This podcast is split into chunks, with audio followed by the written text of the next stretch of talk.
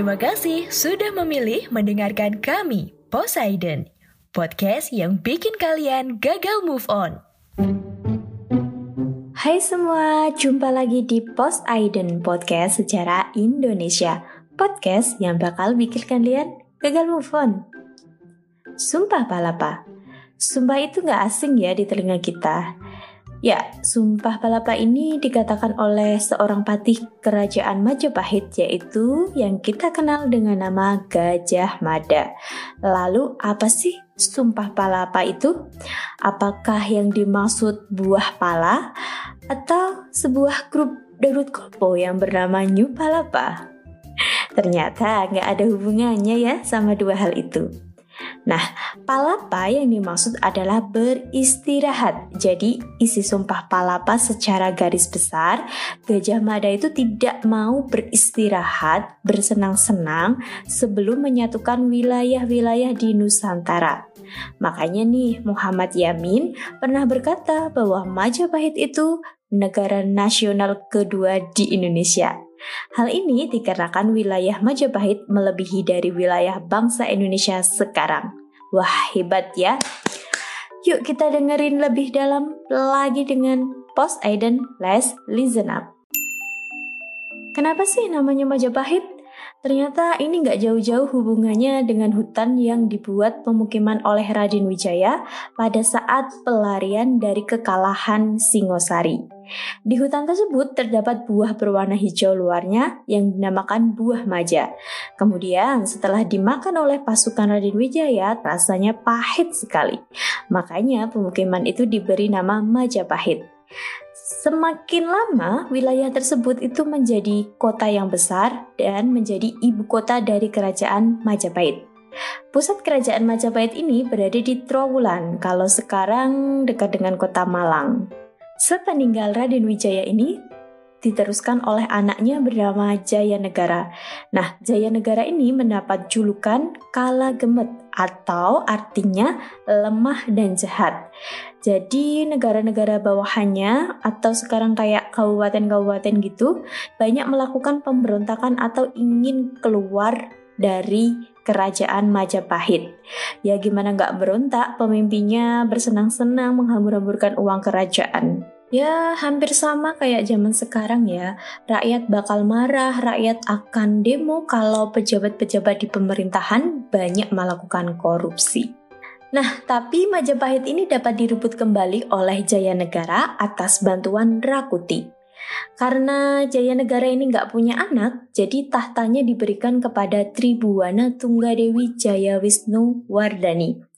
Di bawah kekuasaan Tribuana Tunggadewi, Majapahit ini mulai kelihatan megah dan besarnya. Nah, sepeninggal Tribuana itu diganti oleh anaknya bernama Hayam Wuru. Nah, di masa beliau inilah wilayah Majapahit sangat luas dan mencapai masa kejayaan. Tentunya dengan bantuan patihnya bernama Gajah Mada. Dalam menaklukkan wilayah-wilayah di Nusantara, Gajah Mada itu nggak sendirian. Dia dibantu oleh pasukan armada laut Majapahit dan bawahannya yang hebat-hebat. Di antaranya ada Adi Tiawarman dan Laksamana Nala. Jadi kehebatan sebuah kerajaan besar itu karena dukungan rakyat dan bawahannya. Tidak hanya raja ya.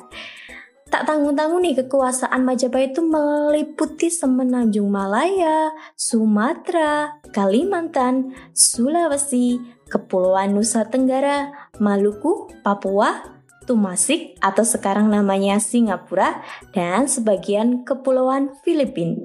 Bahkan nih, Majapahit juga menjalin hubungan baik dengan kerajaan Champa, Kamboja, Siam, Birma, Vietnam, bahkan sampai ke Tiongkok. Politik penyatuan Nusantara oleh Gajah Mada berakhir tatkala terjadi perang bubat. Penyebab perang bubat dapat kita katakan karena kesalahpahaman ya. Jadi waktu itu Hayam Wuruk ingin mempersunting putri dari kerajaan Pajajaran bernama Diah Pitaloka. Oleh karena itu, pasukan Sri Baduga yang merupakan Raja Pajajaran bertolak ke bumi Majapahit. Di perjalanan, dia beristirahat di lapangan bubat sambil menunggu Hayam Wuruk menjemput. Namun, Gajah Mada ini menginginkan agar Sri Badugalah yang datang sendiri sebagai bentuk penaklukan. Dan hal ini tidak diterima oleh Sri Baduga, sehingga perang pun terjadi. Karena kerajaannya kalah, sehingga membuat Dyah Pitaloka ini melakukan bunuh diri. Makanya di daerah Bandung sekarang ini tak ada nama jalan bernama Gajah Mada ataupun Majapahit. Ya karena rakyatnya sakit hati terhadap sikap Majapahit pada zaman dulu. Tapi kalau semakin ke sini sih udah nggak sentimental ya warga Bandung sama perang bubat.